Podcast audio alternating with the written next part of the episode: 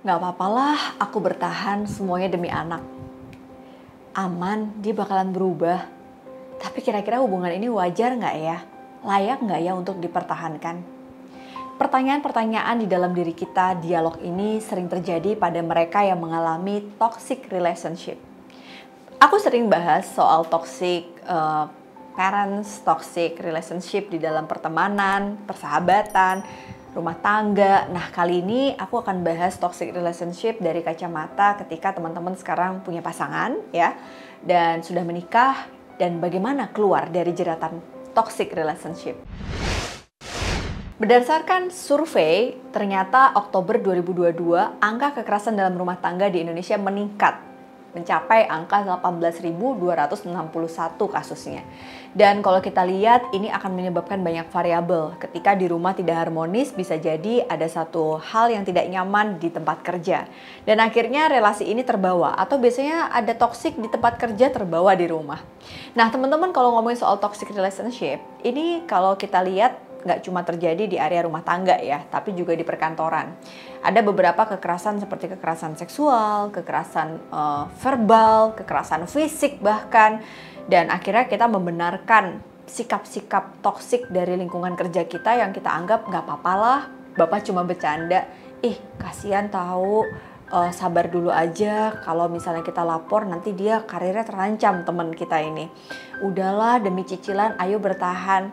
Ada yang bertahan juga dalam relasi pekerjaan mereka padahal udah jelas-jelas kantornya itu toksik kalau kita lihat banyak banget nih di berita-berita kasus-kasus kekerasan yang terjadi dalam dunia kerja yang membuat kita sebenarnya ada dalam toxic relationship di kantor sendiri. Nah teman-teman jadi kalau kita lihat survei kekerasan di dalam dunia kerja ini juga menarik untuk dibahas. Sekitar 70,81% pernah menjadi korban kekerasan dan pelecehan di tempat kerja. 77,40% mengalami kekerasan pelecehan secara psikologis dan 54,81% pelakunya adalah atasan kerja atau senior mereka di kantor. Ini berdasarkan data di tahun 2022. Nah, kalau kita lihat nih ya, sebenarnya toxic relationship ini apa sih? Satu hubungan yang ketika salah satu pihak merasa tidak nyaman, tapi secara konsisten. Jadi lebih banyak tidak nyamannya dibandingin nyamannya. Lebih banyak unhappy momennya dibandingin happy momennya. Dan akhirnya unhappy moment ini atau perasaan tidak bahagia, tidak nyaman ini menggerus energi yang setengah mati gitu ya. Sampai kerasanya tuh pengen banget keluar dari relasi ini tapi nggak bisa. Tapi terpaksa untuk ada di dalam hubungan tersebut. Nah, ini bentuknya bukan cuma ini ya, bukan cuma di pernikahan atau di lingkungan kerja, tapi juga terjadi dalam relasi keluarga, pertemanan, bahkan hubungan dengan tetangga nih, teman-teman. Ada juga yang shaming, ya, body shaming atau bullying penghinaan-penghinaan atau intimidasi terhadap orang tertentu, diskriminasi dan berbagai fitnah yang terjadi itu juga kekerasan yang perlu kita uh, notice di dalam relasi di tempat kerja. Kalau ini nggak di uh, apa sih dengan baik teman-teman, khawatirnya apa sih? Khawatirnya kita merasa mengalami kelelahan secara emosional yang akhirnya mungkin teman-teman akan merasa tidak aman bersama orang tersebut, nggak nyaman di tempat kerja dan merasa dimanipulasi, nggak sabar untuk segera untuk menjauh dari lingkungan itu. Dan bahkan perasaan-perasaan itu uh, muncul di dalam diri kita seperti seolah kita tuh di dalam ruangan tapi nggak ada pendukung satupun yang kita anggap sebagai teman. Nah, apa yang pengen aku sampaikan teman-teman? Beberapa korban atau survivor yang mengalami abusive atau mengalami kekerasan dalam relasi khususnya relasi intim ya dalam pernikahan atau dalam relasi pertemanan atau rekan kerja dan lain sebagainya kita tuh kalau pas lagi kena uh, situasi atau kita lagi dapat tindakan tersebut kita akan tegang lalu sampai kita nggak nyangka ternyata ketegangan itu diikuti oleh satu kondisi yang terus-menerus sampai udah parah banget. Jadi setelah fase tegang akan mengalami fase akut. Nah kalau udah akut ini kita kan rasanya udah kayak mau ninggalin orang ini, kita udah kayaknya mau resign gitu kan. Nanti akan ada momen di mana ini adalah fase honeymoon. Honeymoon fase ini atau bulan madu semu ini sebenarnya adalah kondisi di mana kita lagi galau antara kita pengen cerai atau kita pengen putus atau kita pengen resign, tapi orang itu lagi membuat kita percaya. Contoh, sayang jangan dong kamu tinggalin aku, aku minta maaf banget. Aku hilaf, aku janji nggak akan mengulangi lagi. Aku cinta banget sama kamu. Nah di fase bulan madu ini dia akan memberikan banyak kebaikan, perhatian yang membuat teman-teman itu merasa jadi kayak merasa bersalah gitu kalau pergi dari relasi itu. Kayak ya udahlah kasihan lah dia akan berubah kok. Nggak apa-apa lah aku maafin dia. Dan akhirnya akan ada momen di mana teman-teman mengalami ketenangan. Tapi namanya toxic biasanya akan muncul lagi ketegangan berikutnya. Jadi fase tenang itu hanya sementara. Nah kalau kamu terjerat di dalam kondisi tersebut alasannya kenapa sih teman-teman? Satu bisa jadi pada saat terjadi kekerasan atau terjadi satu pelecehan abusive kita tuh lagi nggak siap. Shock dan penyangkalan-penyangkalan yang terjadi itu akan membuat teman-teman itu ngerasa seperti dimanipulasi oleh kondisi tertentu. Tapi herannya, ketika kita udah tahu dimanipulasi, kita menjadi korban, kenapa kita mau bertahan ya? Aku melihat beberapa mereka yang mengalami kondisi tersebut tidak sadar mengalami trauma yang terjadi di masa lalu. Trauma ini tuh mungkin akan membuat dia merasa bahwa nggak papalah, aku udah terbiasa melihat percekcokan di dalam rumahku dulu. Ketika orang tuaku ribut setiap hari. Jadi akhirnya dia akan mengakibatkan sebuah traumatik yang nggak sadar dia menjadi pola yang sama ketika di usia dewasanya. Itu kemungkinan pertama. Akhirnya hal-hal yang sifatnya dia uh, dimanipulasi dianggap sebagai sebuah afeksi yang beda. Lalu ada juga yang merasa bahwa ketika pasangannya itu mengatakan cinta, itu adalah sebuah metafora yang sangat indah. Jadi kayak, aduh, dia cinta banget kok sama aku karena orang tuaku tuh nggak memberikan perhatian. Cuma suamiku yang tahu apa yang aku mau. Kurangnya afeksi ini bahaya banget teman-teman. Sampai akhirnya pada saat dia tidak mendapatkan afeksi tersebut, dia merasa insecure. Jadi ketika suaminya melakukan kekerasan, kalau dia pergi itu akan membuat dia merasa takut gitu kan. Dan dia juga pengen uh, bergantung sama orang yang dia anggap sebagai pasangannya jadi konsep hubungan suami istri ini tuh salah. Padahal kan hubungan itu harusnya dua arah ya. Hubungan yang sehat itu adalah hubungan yang bisa memberikan kebaikan, pemahaman yang satu sama lain sama value-nya. Setiap orang itu berharga untuk mencapai tujuan bersama pasangannya. Kalau egonya untuk menguasai pasangannya atau dikuasai pasangannya, berarti jangan-jangan ada konsep yang salah nih tentang relasi dalam hubungan, entah pertemanan, pernikahan atau relasi apa pun. Nah, kenapa ya orang itu bisa jadi toxic buat orang lain? Ada beberapa faktor yang memungkinkan seseorang ini menurut Glass, seorang psikolog gitu ya yang meneliti soal toxic relationship ini. Pertama adalah perasaan iri dan cemburu. Jadi kita nggak sadar ada kebutuhan afeksi kita yang tervalidasi kalau kita menjadi toksik buat orang lain. Sehingga kita berusaha untuk menutupi kekurangan yang kita punya dan menghindari kondisi salah tadi gitu. Jadi kalau kita lagi tertekan, kemudian kita dibully, kita rasanya pengen ngebully orang lain gitu. Ini kemungkinan yang menurut Glass bisa terjadi kenapa orang-orang itu menjadi toksik buat orang lain. Sehingga pada saat dia merasa buruk terhadap dirinya, dia akan merasa baik pada saat dia menjadi toksik buat orang lain. Dan ketika dia tidak menyadari perbuatan yang dia lakukan, itu nggak sadar sama kayak korban. Korban tuh juga nggak sadar kalau dia terjerat dalam relasi yang toksik.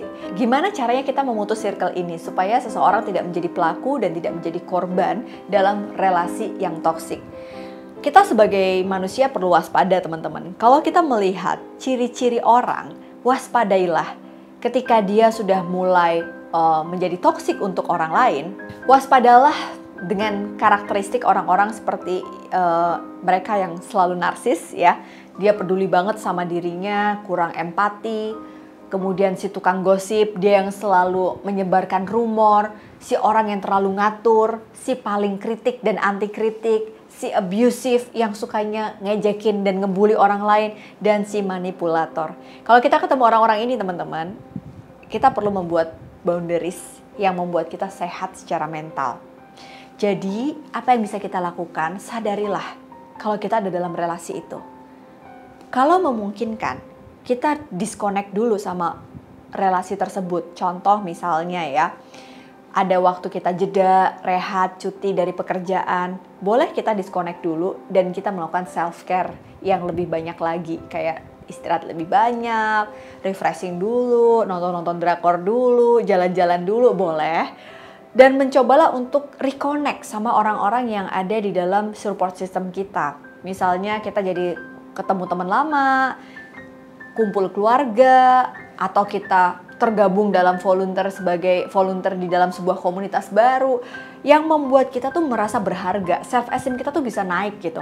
Karena pada saat uh, beberapa waktu aku ketemu sama mereka-mereka yang survive dari toxic relationship ini mereka itu sempat pada titik ketika keluar rumah itu merasa tidak berharga. Jadi ketika dia terkonek lagi sama lingkungan yang membuat dia itu merasa berharga dia akan merasa punya boundaries Ketika ketemu orang yang menyakiti dia, dia seperti merasa nggak apa-apa. Aku dihargai kok di lingkungan sana. Ketika aku di sini, aku sehat kok karena aman kok. Nah itu yang membuat kita tuh jadi paham untuk bisa step back dulu, mundur dulu sejenak, ambil nafas dulu, take your time untuk mungkin disconnect, reconnect ya, dan jangan pernah lupa to keep educate yourself. Banyakin literasi diri yang membuat kita paham, self knowledge kita atau kita tahu banget kualitas diri kita, tingkatin kompetensi diri kita bahwa kita itu berharga. Kalau memang kita dalam relasi yang toksik dan kita nggak bisa keluar dari situ, jangan pernah merasa bahwa yang toksik itu ya mereka. Itu kebutuhan mereka, bukan tugas kita mengubah mereka, tapi jadikanlah kita sebagai orang yang berkualitas sehingga kita nggak kepengaruh sama racun itu. Contoh misalnya kita lagi ada di dalam sebuah ruangan ketika semuanya itu sakit flu yang bisa menjadi kendali kita bukan membuat orang ini sembuh kan. Kita nggak bisa memanipulasi dengan oke okay, kamu aku kasih obat supaya batukmu sembuh. Belum tentu kita bisa punya akses ke sana. Apa yang kita lakukan? Kita menggunakan masker, itu sebagai boundaries yang kita set supaya kita nggak ketularan. Kita tingkatin imun kita dengan olahraga, dengan istirahat cukup, sehingga virus itu nggak masuk ke dalam tubuh kita dan mungkin kita perlu jaga jarak supaya nggak ketularan flu.